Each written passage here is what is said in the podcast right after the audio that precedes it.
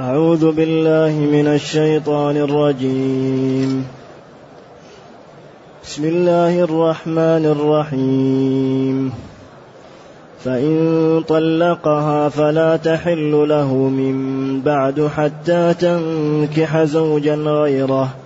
فإن طلقها فلا جناح عليهما أن يتراجعا إن ظنا أن يقيما حدود الله وتلك حدود الله يبينها لقوم يعلمون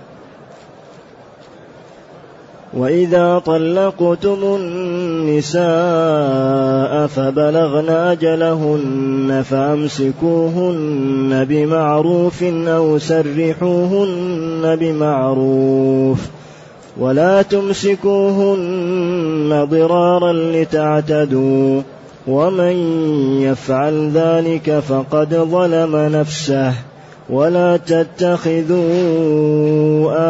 الله هزوا.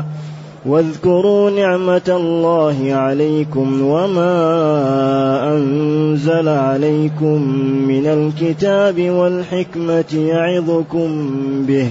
واتقوا الله واعلموا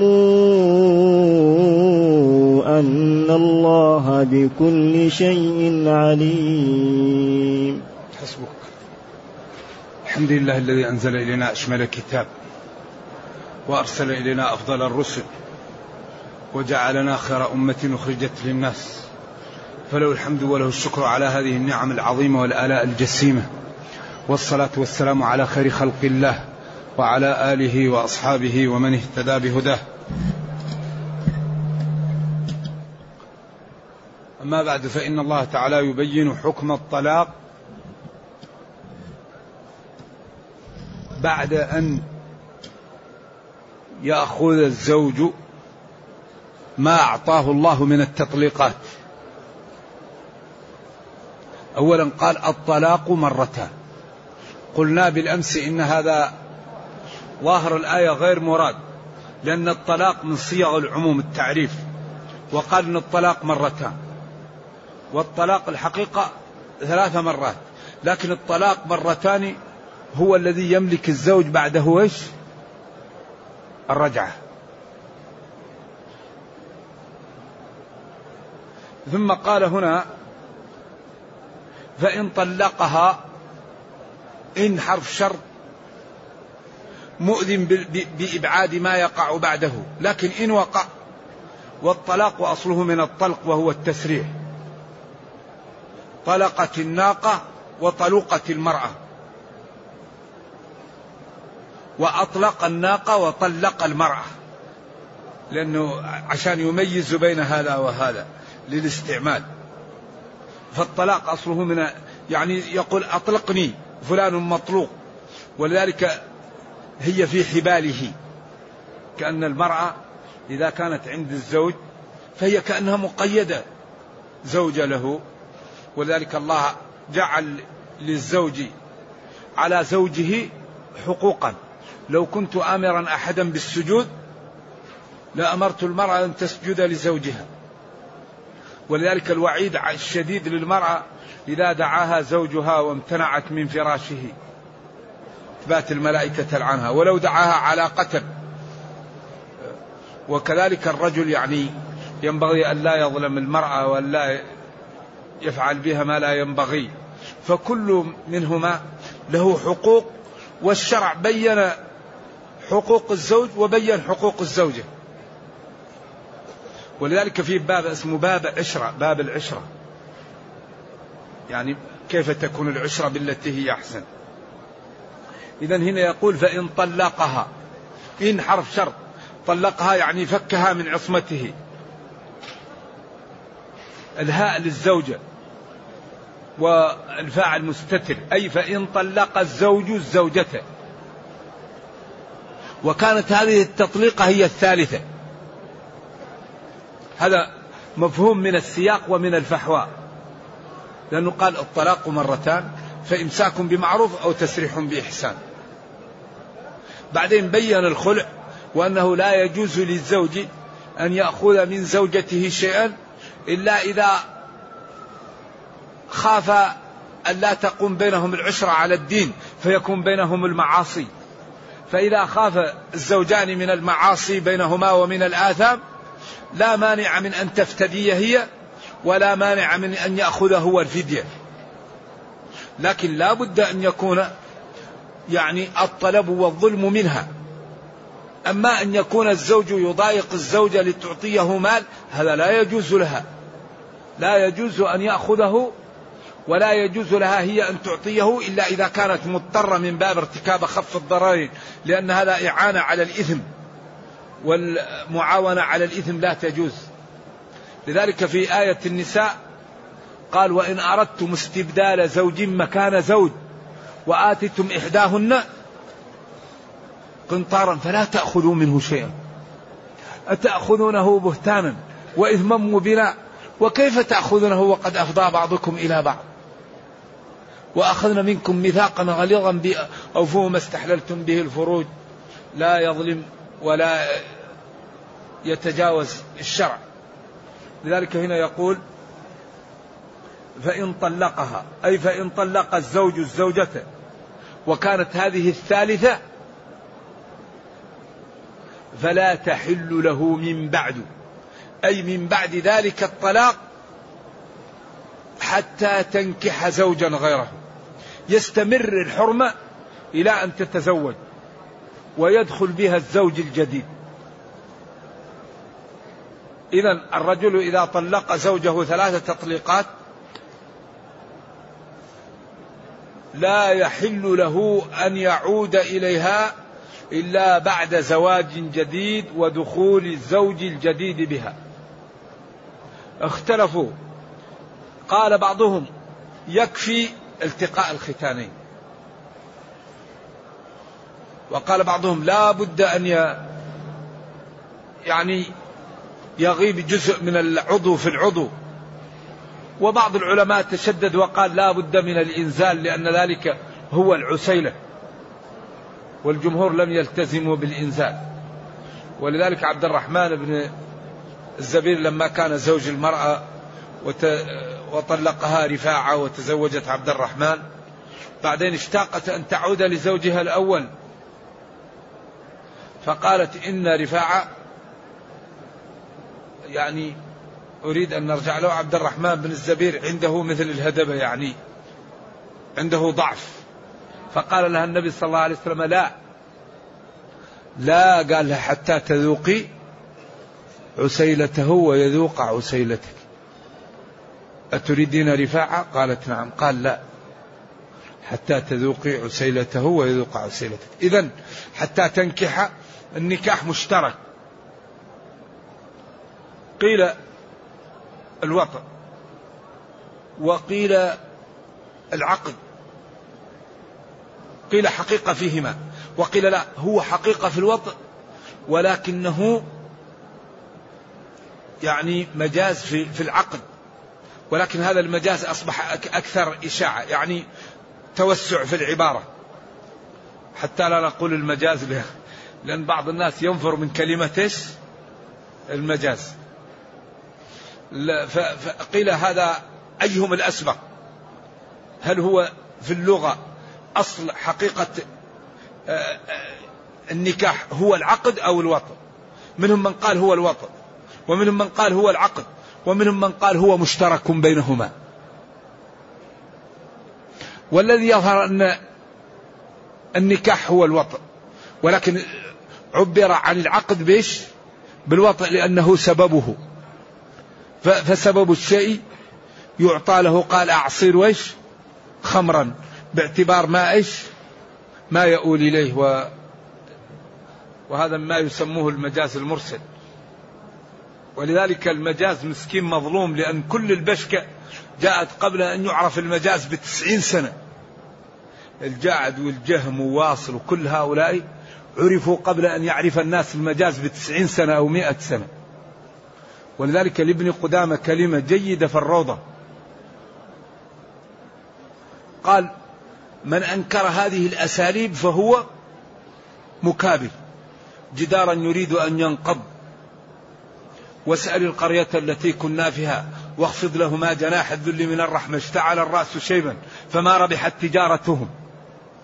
من أنكر هذه الأساليب فهو مكابر ومن قال حقيقة لا مشاحة في الاصطلاح. يعني هذه العبارة في غاية الإيجاز وفي غاية الجودة. ولذلك للوالد رسالة سماها منع جواز المجاز في المنزل للتعبد والإعجاز. وقال إن الذين عرفوا المجاز قالوا كل مجاز يجوز نفيه. والمجاز من الجواز. وسموا بعض الكلام حقيقة وبعضها مجاز وقالوا المجاز هو صرف اللفظ عن المعنى لعلاقة مع قرينة مانعة استعمال اللفظ. في غير ما وضع له لعلاقة مع قرينة مانعة من إرادة المعنى الأصلي. وقالوا كل مجاز يجوز نفيه يعني تقول رأيت أسدا على فرسه تقول له ما هو أسد؟ رجل شجاع. تقول رأيت بحرا يعلم الناس في المسجد تقول ما هو بحر؟ رجل عالم. تقول إذا المنية أنشبت أظفارها. المنية ما لها أظفار هذا كذب إذا قالوا هو كل مجاز يجوز نفيه إذا ولا شيء من القرآن يجوز نفيه ينتج من الشكل الأول لا شيء من القرآن بمجاز. هذا الأساس الذي عليه نفى وألف الرسالة. لكن من العلماء من يقول لا المجاز هو مثل الكلام ما احتمل الصدق والكذب لذاته. ولذلك آه، القرينة الثانية أن ما كل ما يجوز في اللغة العربية يجوز في القرآن. مثلا الرجوع وهو من من البديع المعنوي والإيغال وهو أيضا من البديع هذا جميل في الشعر لكن لا يجوز أن يكون في القرآن. إذا ما كل ما يجوز في اللغة العربية يجوز في القرآن. لأن عندهم أساليب ومثلا عندهم في الشعر أعذبه إيش؟ أكذبه. والقرآن قوله الحق كلام الله لا يمكن يكون فيه هذا. إذا ما كل ما جاز في اللغة جاز في القرآن. فمذهب الرجوع مثلا أن يقول الشاعر قولا ثم يرجع له عقله فينقض قوله. هذا يسموه من البديع المعنوي ويقولون له الرجوع. هذا لا يجوز أن يكون في القرآن. كما قال قف بالديار التي لم يعفها القدم ثم رجع له عقله فقال بلى وغيرها الرواح والديم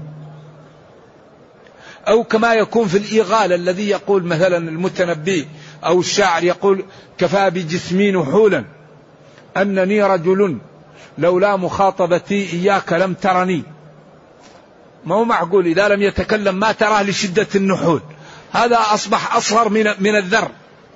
إذا هذا لا يجوز أن يكون في القرآن. ما كل ما جاز في اللغة العربية جاز إيش في القرآن. والحقيقة أن البلاغة هي مادة يحتاجها الخطيب والواعظ والمدرس ويحتاجها المستنبط والمرجح. لأن مادة البيان يحتاجها الواعظ والخطيب والمدرس لأنها تأدية المعنى الواحد بطرق مختلفة. والمعاني يحتاجها المستنبط والمرجح. ولا يمكن أحدنا يتكلم كلام إلا ومطبق فيه أربعة أبواب من أبواب المعاني. لا بد أن يكون الكلام خبر أو إنشاء. ولا بد أن يكون وصل أو فصل. ولا بد أن يكون طلبي أو ابتدائي أو إنكاري. ولا بد أن يكون إيجاز أو إطناب أو مساواة. إذا نحن في حاجة ماسة إلى تعلم البلاغة. ومع الأسف أن هذه المادة ماتت في مهدها. من المواد التي لم تنضج والكتابات فيها قليلة وهي الجسر الذي يعبر به على فهم إعجاز القرآن وجمال أساليبه.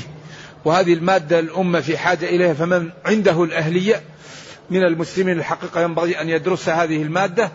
ويغطيها للمسلمين. إذا يقول جل وعلا فإن طلقها أي فإن طلق الزوج الزوجة فلا تحل له من بعد حتى تنكح زوجا. إذا لابد أن يكون زوج و ويدخل بها فإن جاء الزوج وتبرع للزوجين أن يتزوجها ليحللها هذه مشكلة. أو أجر الزوجان شخص ليحلله. هذا فيه الوعيد. لعن الله إيش المحلل والمحلل. لكن اختلفوا. قالوا طيب إذا فعل هذا هل تحل أو لا تحل؟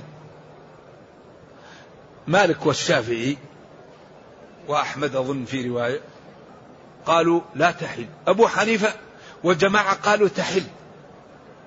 لأنه هو أثم وحلت.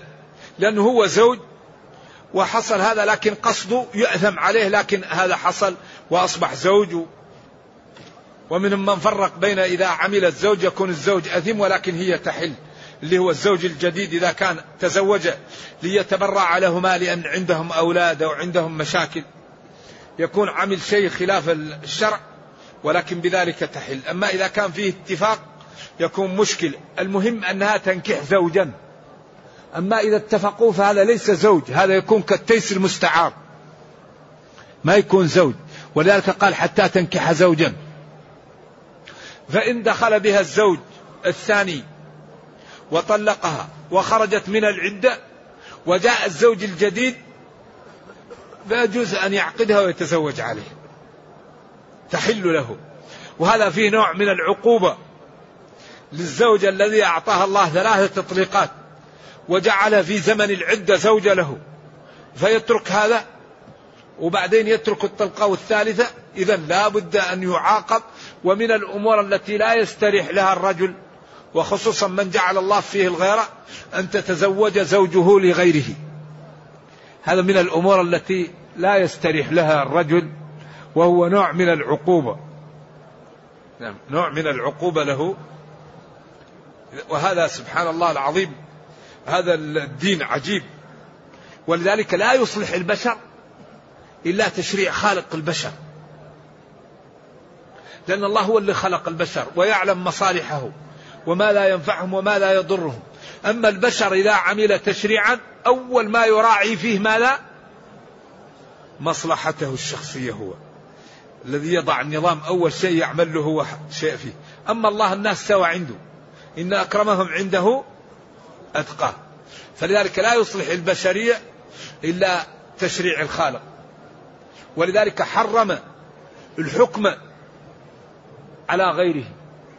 قال ولا يشرك في حكمه أحدا وقال إن الحكم وقال وأن أحكم بينهم بما أنزل الله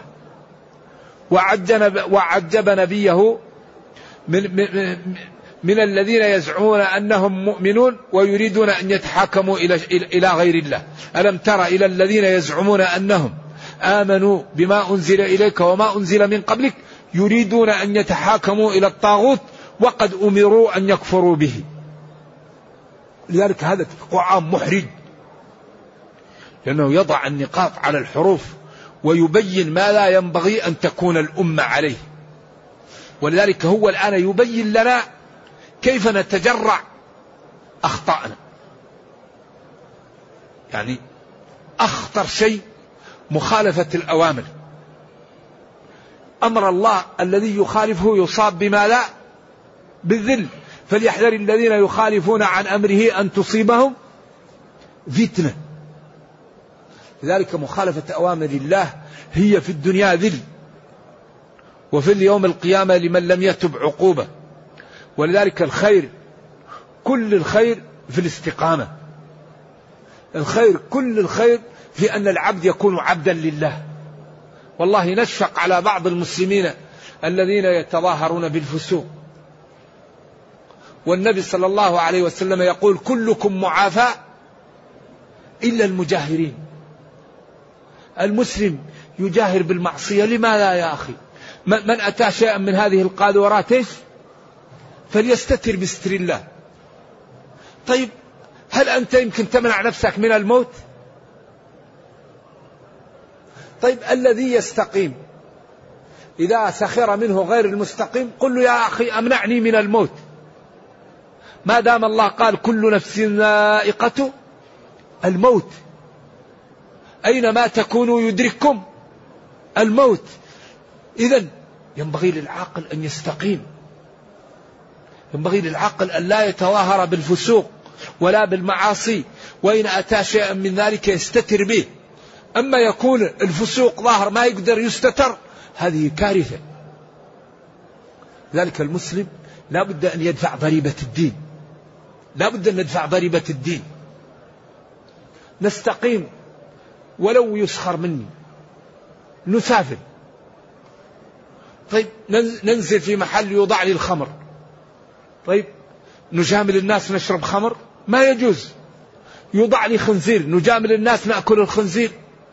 توضع لي الميتة نجامل الناس نأكل الميتة. تأتي امرأة أجنبية تريد أن تصافح تصافح النساء. والنبي صلى الله عليه وسلم قال قل للمؤمنين يغضوا من أبصارهم. إذا من باب أحرى إيش؟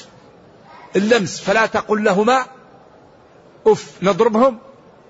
إذا هذا القياس في معنى الأصل من باب أولى. إذا ما دام نهى عن النظر فمن باب أحرى إيش؟ اللمس. إذا لا بد للمسلمين أن يضربوا أن يدفعوا ضريبة الدين. جاءت الصلاة وأنا في مجلس. قل لهم يا جماعة الصلاة. أؤذن وأصلي. في سفر في محل. لا بد أن نظهر ديننا. سواء كنا في السفر أو في الحضر أو في أي محل لا بد المسلم أن يكون مسلما. أما نجامل ديننا هذه مشكلة. لذلك الذي يستقيم على الدين الله يضمن له أمرين. يصلح له دنياه وأخرى. ويعادي ما ما ما ويدمر من عاداه. ويبارك له في العمر والولد والمال. ويجعل له الذكر الحسن في الدنيا. وإذا مات كان كالغائب قدم على أهله. المتقي لا يقاوم. ومن يتق الله يجعل له مخرجا. قال ابن إسحاق منفذا من كل ضيق. إن تتقوا الله يجعل لكم نور. نور بصيرة. تفرقون بين النافع والضار. لذلك لا يوجد شيء مثل التقى. ولكن التقى لا ينال إلا بالمكابدة. ما يمكن واحد ينال التقى وهو يقع في أعراض الناس لا يمكن واحد ينال التقى وهو ياذي جيرانه ويعق والديه. ما يمكن واحد ينال التقى وهو يذهب إلى السوق ولا يغض بصره. كل ما رأى شيء حرام يحملق فيه. ما يمكن. التقى ينال بالمكابدة. المكابدة على البصر. المكابدة على اللسان. المكابدة على السمع المكابدة على القلب. فإذا كابدت الطاعات عند ذلك ينمى جذع الإيمان في قلبك فعند ذلك تكون من المتقين. فإذا دعيت الله استجاب لك. تتشبع من الإيمان فكل ما خالطت شخص سر فيه الإيمان كما كان الصحابة. والله ديننا دين عملاق. الإسلام هذا دين عملاق لا يقاوم. ولذلك هو كل ما ضربوه كل ما قوي. هم يخططوا ولكن الله تعالى يقوي الدين. كل يوم يقوى وكل يوم يزيد مع ضعف المسلمين واختلافهم واختلافهم ومع توحيد الكفار وتخطيطهم ومع ذلك ديننا يزيد. لذلك هرقل قال ذلك الدين يزيد دائما. هم كل ما أرادوا أن يشوهوا الإسلام كل ما دخل في الإسلام شرائح جديدة. ولشدة التشويه لا يدخل في الإسلام في هذه الأيام إلا العباقرة لأن الشخص الغير مثقف يخاف. يقول أنا لو كنت مسلم يتهموني. لكن المثقف والناضج لا يهمه الدعاية. لذلك أنظر إلى يوسف في إسلام وأحمد فندونفر في ألمانيا وحمزة سحنون في أمريكا وموريس بوكايس في فرنسا تجد أنهم الآن اللي يدخل وهوفمان في, في ألمانيا. هذا كان سفير ألمانيا في المغرب فدخل في الإسلام وبعدين ألقى محاضرة في مكتبة بن على أن التثليث كذب على النصرانية. فصاح القس وقال له نحن جئنا لنتفاهم أو لتخرب ديننا. قال له دينكم خربان من حاله. ما هو أنا اللي خربته؟ هذه كتبكم تبين أن التثليث كذب على النصرانية. فلذلك هذا الدين عملاق. ما يقاوم أبدا الإسلام إلا بأحد أمرين وهما. ما هما الأمران اللذان يقاوم بهم الإسلام؟ تجهيل المسلمين أو تكميمهم أن يجهل المسلم بدينه. يشتغل بدريم وبروتانا وب كليب هذه بعض القنوات إذا رأها الشيطان يقول لأصحابها اتقوا الله. مشكلة هذا. أيوة. ولذلك نحن في حاجة إلى قنوات جادة تدعو إلى الدين وتدعو إلى العلم وتدعو إلى الانضباط وتبصر الناس بدينهم وتبصرهم بالأخلاق وتفهمهم وتبين لهم خطورة المعاصي. المسلمون الحمد لله بخير. ولكنهم سبحان الله عندهم ضعف في العمل. نرجو الله تعالى أن يقويهم. إذا يقول فإن طلق الزوج الزوجة بعد الثالثة فلا تحل له من بعد أي بعد ذلك حتى تتزوج زوجا غيره ويدخل بها. فإن طلقها الزوج الثاني فلا جناح على الزوجة والزوج الأول أن يتراجعا. أن يتراجعا بعقد جديد ومهر جديد. إن ظنا أن يقيما حدود الله. بعضهم قال أيقنا لكن لا ما هو صحيح. إن ظنا أنهم يعني الحال بعدهم تتحسن لأنه حن إليها وحنت إليه ووجدوا ما كان بينهم. ولذلك قال الشاعر ما الحب إلا للحبيب الأولي. نقل فؤادك حيث شئت من الهوى ما الحب إلا للحبيب الأولي فلذا يعني دائما يحن إليها فلذلك يتأدبان ولا مانع من أن يعقدوا عقد جديد وتكون بينهم العشرة. وتلك حدود الله يبينها لقوم يعلمون. تلك الأشياء التي ذكرت معالم بين الحلال والحرام. يبينها الله لقوم يعلمون. ولذلك ما فيه من الجوانب التي تكون فيها لساء قوله لقوم يعلمون. هذا تهديد لأنه مثلا المحلل بعدين الذي يضار الزوجة ويضايقها ليأخذ منها مال هذه أمور فيها خفاء. فلذلك يبينها لقوم يعلمون أن الله تعالى لا يخفى عليه شيء وأنه سيعاقب من عصاه إن لم يتب وأنه سيكرم من أطاعه. لذلك قال لقوم يعلمون. لأن فيه أمور فيها خفاء فالله تعالى بينها لهم ويعلمها من أعطاه الله العلم. لأن مضايقة الزوجة لتعطيه مال أو تأجير واحد ليحلل هذا من الأمور المحرمة الخفية. أيوة لذلك قال لقوم يعلمون. نعم. ثم بين قوله تعالى وإذا طلقتم النساء. أيها الرجال إذا طلقتم النساء فقاربن أجلهن فبلغن هنا قاربن ولذلك المقتضي في الشريعة يفهمه العقلاء ويفهم من سياق اللغة. لذلك بعض الناس يكون الحديث يدل على شيء فهو يأخذه. يا أيها الذين آمنوا إذا قمتم إلى الصلاة إيش؟ بعد أن نقوم للصلاة نبدأ نتوضأ. إذا أردتم القيام. فإذا قرأت القرآن إيش؟ أي إذا أردت. أن نستاك عند كل إيش؟ وضوء أو عند كل صلاة. يعني إذا أردت الصلاة مثلا كما أن نتوضأ نستاك. ولذلك لم يرى الرسول صلى الله عليه وسلم يستاك داخل المسجد. ما وقفت عليه. ولكن في صحيح مسلم أنه كان إذا دخل بيته أول ما يبدأ به السواك وما زال جبريل يوصيه بالسواك حتى خاف أن يدرد مطهرة للفم مرضاة للرب. لكن كونك تكون في داخل المسجد وتستاك هذا يحتاج إلى أدلة. الآن تعارفت الناس على أن الواحد يستاك داخل المسجد. لكن هذا يحتاج إلى دليل. فعل النبي صلى الله عليه وسلم هل رؤية النبي صلى الله عليه وسلم يستاك داخل المسجد؟ رؤية نايم في المسجد. رؤية يقرأ رؤية لكن هالرؤي يستاق داخل المسجد؟ إذا في بعض الأمور تحتاج إلى تأمل. ولذلك هنا قال قال جل وعلا وإذا فبلغن أجلهن أي قاربن بلوغه. لأنها إذا بلغت الأجل وخرجت من العدة إيش؟ ليس له عليها سبيل. ولذلك قالوا إن كان الرجل إذا غضب على المرأة يطلقها فإذا قربت من خروج العدة يراجعها فإذا قربت من خروج العدة وكان لا نهاية لذلك فجاءت امرأة واشتكت فنزلت الآية نعم الطلاق مرتان. بعدين فإن طلقها بعد ذلك فليس له ولا يحل له أن يضايقها يطلق. إما أن يمسك وإما أن إيش؟ أن يترك. ولذلك قال فإن طل آه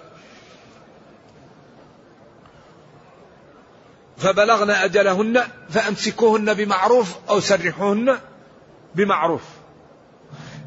يعني إذا قاربت المرأة أن تخرج من العدة فلا ينبغي للزوج أن يمسكها لكي يضارها.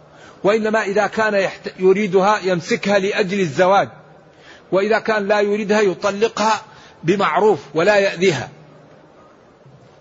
ولذلك قال فإمساك بمعروف أو تسريح بإحسان. الإمساك بمعروف هو آه، يعني أن أن لا يأذيها وأن يعطيها حقوقها.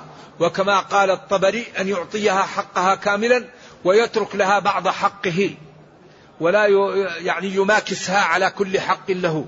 لأن المرأة خلقت من ضلع وإن أعوج الضلع أعلاه. فإن أردت أن تقيمها كسرتها.